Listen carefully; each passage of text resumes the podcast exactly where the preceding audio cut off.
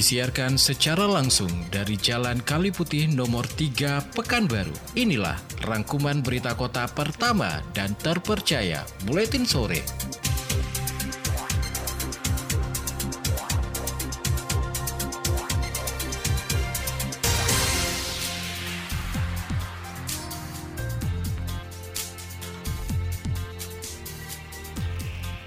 Mitra Kota inilah berita utama untuk hari ini. Puncak HAN 2023 Gubri Syamsuar ajak peduli hak anak. Baru 700 M penerimaan DBH Riau 2023.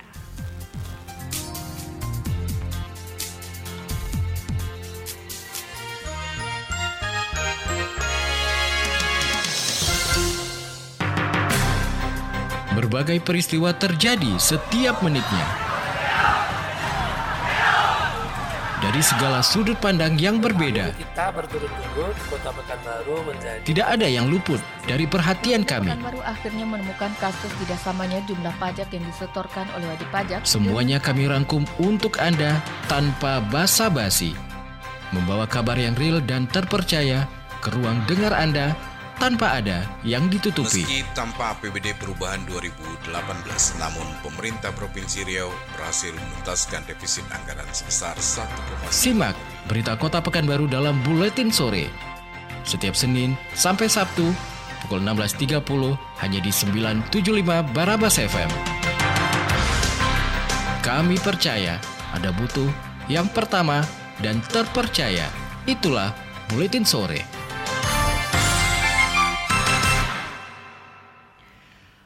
Selamat sore Mitra Kota, rangkaian informasi aktual yang terjadi hingga sore hari ini telah dirangkum oleh tim Buletin Sore. Bersama saya Indi Simorangkir, inilah Buletin Sore untuk edisi hari Sabtu 23 September 2023 selengkapnya. Newsday every day, Newsday every day, 97.5. Gubernur Riau Syamsuar mengajak semua pihak untuk terus berkomitmen eh, dalam memenuhi hak-hak anak. Gubernur Riau Samsuar mengajak semua pihak untuk terus berkomitmen dalam memenuhi hak-hak anak. Harapan itu disampaikan Gubernur pada peringatan Hari Anak Nasional tingkat Provinsi Riau 2023 Sabtu pagi di Taman Rekreasi Alam Mayang, Pekanbaru. Lebih lanjut Gubernur Samsuar memaparkan di antara hak anak itu yakni memberikan kebutuhan dan pelayanan di bidang pendidikan dan kesehatan. Pihaknya telah melaksanakan dua kebutuhan ini. Demikian juga yang berkaitan dengan kepengurusan kartu keluarga dan KTP juga sudah dilaksanakan. Lalu untuk anak-anak yang putus sekolah sudah ada kebijakan dari pemerintah daerah. Ia juga berharap ke depannya setiap pihak mampu mendorong dan menjadi pemeran utama dalam melakukan kerja aktif yang berimplikasi langsung terhadap tumbuh kembang anak, sehingga seluruh masyarakat mampu menjadi pengawas terhadap adanya kekerasan kepada anak. Sejauh ini lanjut Samsuar, seluruh pemerintah kabupaten kota dan pemerintah provinsi di Riau telah meraih penghargaan daerah layak anak dari pemerintah pusat. Sebab itu prestasi ini harus terus dipertahankan khususnya yang berkaitan dengan pemenuhan hak dan perlindungan anak. Anak-anak kami serta Bapak Ibu yang kami hormati, tadi kami sudah mendengar aspirasi anak-anak dan sebahagian besar aspirasi anak-anak itu sudah dilaksanakan pemerintah nak. Ya kenapa? Karena itulah pemerintah beberapa bulan yang lalu telah menilai bahwa semua kabupaten kota di Riau ini sudah dikategorikan kabupaten dan kota layak anak. Nah, dari kabupaten kota layak anak inilah makanya Provinsi Riau, Ayahanda juga dapatkan penghargaan dari Ibu Menteri waktu itu. Karena Provinsi Riau ini sudah di provinsi dikategorikan layak anak. Apa yang disampaikan tadi melalui suara anak tadi, itu Alhamdulillah sudah dilaksanakan oleh pemerintah Republik Indonesia sampai dengan pemerintah daerah ini. Misalnya tadi yang berkaitan dengan hak perlindungan anak, hak pemenuhan anak. Kami di Riau ini sekarang pendidikan kita sekarang dari pendidikan kalau yang tugasnya oleh wali kota itu adalah SD, SMP, negeri itu sudah nggak ada biaya lagi, gratis. SMA negeri, ini ada kepala sekolah nih. SMK negeri, SLB negeri, gratis sekolah, nggak bayar. Jadi apa yang diinginkan anak, belum anak menyampaikan keinginan, sudah kami laksanakan dengan sebaik-baiknya. Karena kami ingin anak Riau ini anak yang berkualitas, anak yang hebat di masa yang akan datang. Anak yang siap berdaya, berdaya saing dengan semua anak-anak bukan hanya Indonesia, tapi anak dunia. Prima Ermat, Tim Liputan Barabas melaporkan.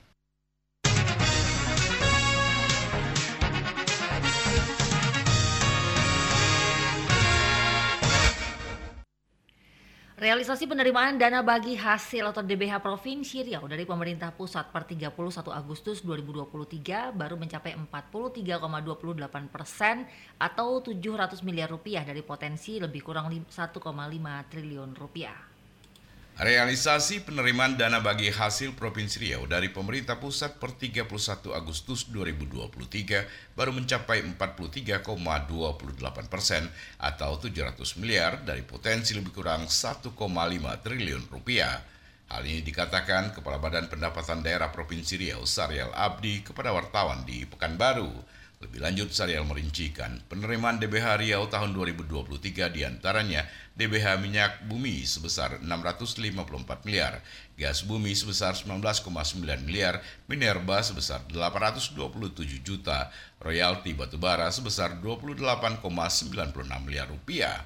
Kemudian ada DBH dari PSDH Kehutanan sebesar 33 miliar, iuran izin usaha pemanfaatan hutan sebesar 1,07 miliar rupiah, dana reboisasi sebesar 3,5 miliar rupiah, cukai hasil tembakau sebesar 4,1 miliar rupiah, PPH pasal 21 sebesar 176 miliar rupiah, PBB P5 sebesar 450 miliar rupiah, sawit sebesar 83 miliar rupiah. Sariel menjelaskan, penerimaan DBH tersebut sudah terplot bakal disalurkan tahun ini sehingga daerah tinggal menunggu transfer dari pusat. 30 Agustus baru 50% dari total. Contohnya gini nih, minyak bumi 654 miliar, gas bumi 19,9 miliar, eh, miner, minerba dari land rent minerba 820 juta, kemudian batu bara dari royaltinya 28,96 miliar. Dari PSDH kehutanan 33 miliar kemudian dari IIUPH kehutanan juga 1,07 kemudian dari dana reboisasi 3,5 dari cukai hasil tembakau 4,1 dana bagi hasil PPH pasal 21 176 dari PBB P5 545 miliar. Dari apa lagi dari sawit sawit itu 83, sekian miliar Berarti itu totalnya berarti sampai yang kita terima baru 50% dari total itu, Bang. Ya, jadi kalau untuk penerimaan DBH per realisasi per 31 Agustus itu DBH 1,4 43,28 persen. Sisanya kapan lagi Mas? Eh, ya seharusnya di TW 3 nih sudah. Artinya mungkin dalam bulan depan lah. Jika itu tersalurkan akan menutupi defisit kita yang 1,4 Enggak, itu kan anggarannya. Kalau yang memang yang sudah terplot Bang ya. udah terplot itu kita kita kita tunggu kecuali ada sesuatu hal lain gitu kan tak disalurkan ya itu yang kita sebut kurang bayar nanti. Prima Ermat, Tim Liputan Barabas melaporkan.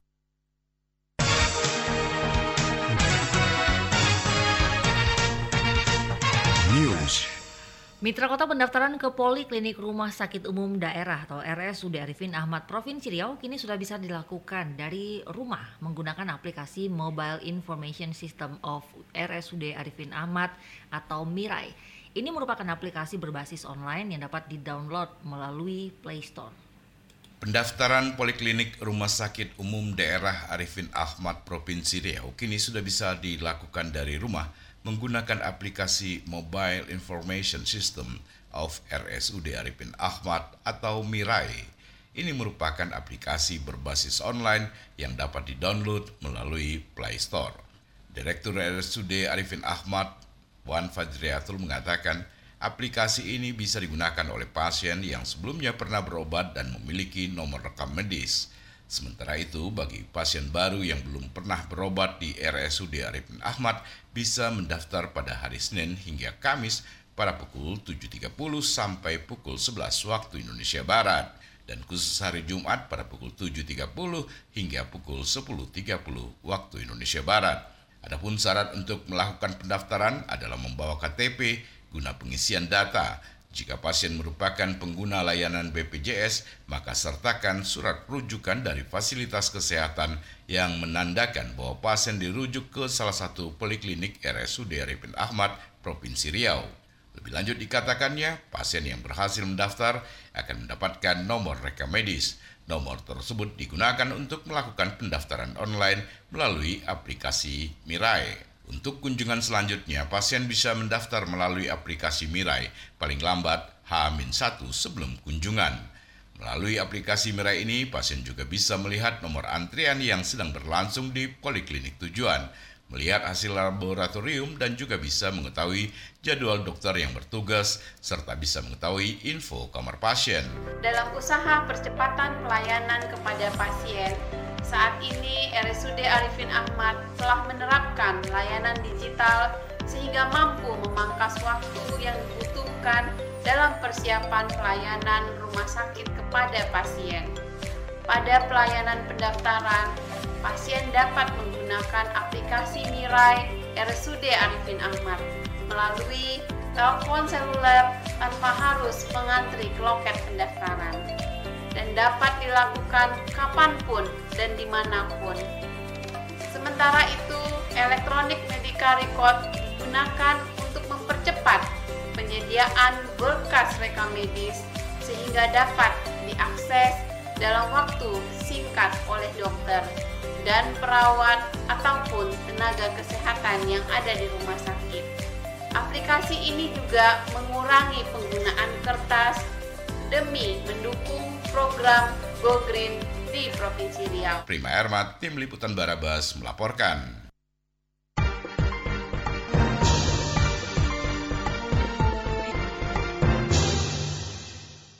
Mitra Kota, silakan follow Facebook kami di Radio Barabas. Inilah berita terakhir Buletin Sore untuk hari ini.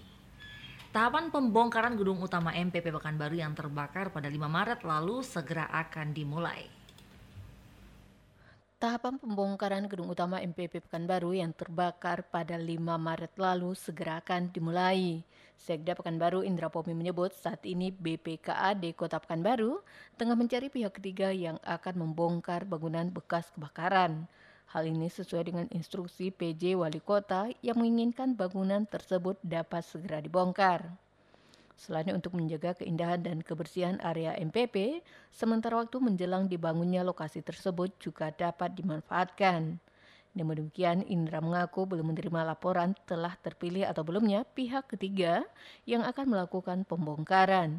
Yang pasti dikatakan Indra, pembongkaran akan dilakukan dalam waktu mitra secepatnya. siapa yang mampu membongkar itu dan hasil bongkarannya nanti menjadi apa mereka ya ada hitung-hitungannya penilaiannya nanti siapa pun yang berminat silakan aja. Nggak tahun ini malah Pak Wali Kota itu kepengen segera dibongkar supaya kita juga lapangannya rapi dan kita bisa melakukan kegiatan-kegiatan di Eh, prosesnya udah di BPKS B- BPKAD Nah, berarti udah tahap mencari mitra, siapa yang akan bisa membongkar. Di lain sisi untuk kelanjutan pembangunan gedung MPP sendiri masih belum diputuskan oleh pemerintah kota Pekanbaru karena menunggu dilaksanakannya konsultasi publik yang akan digelar setelah dilakukannya pembongkaran.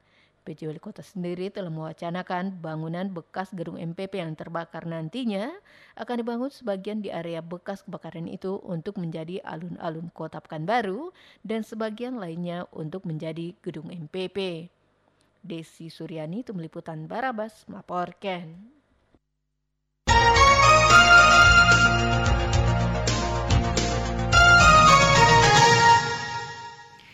Mitra Kota, demikian rangkuman berita yang kami hadirkan dalam Buletin Sore untuk hari ini. Sampaikan kritik dan saran Anda ke redaksi Buletin Sore Radio Barabas 975 FM, Jalan Kaliputi nomor 3 Pekanbaru, telepon dan fax 42733. Saya Indi Simorangkir, pembaca berita, Joki Wirano dan Desi Suryani penata naskah, Gega Isya Putra produksi, dan Prima Erman produser, serta seluruh tim Buletin Sore pamit. Terima kasih atas kebersamaannya, selamat sore, dan abadikan kami di hati Anda. Berbagai peristiwa terjadi setiap menitnya. Dari segala sudut pandang yang berbeda, Kita berturut-turut Kota Pekanbaru menjadi tidak ada yang luput dari perhatian kami. Pekanbaru akhirnya menemukan kasus tidak samanya jumlah pajak yang disetorkan oleh wajib pajak. Semuanya kami rangkum untuk Anda tanpa basa-basi. Membawa kabar yang real dan terpercaya ke ruang dengar Anda tanpa ada yang ditutupi. Meski tanpa APBD perubahan 2018, namun pemerintah Provinsi Riau berhasil menuntaskan defisit anggaran sebesar 1,1 Simak berita Kota Pekanbaru dalam Buletin Sore. Setiap Senin sampai Sabtu pukul 16.30 hanya di 975 Barabas FM. Kami percaya ada butuh yang pertama dan terpercaya. Itulah Buletin Sore.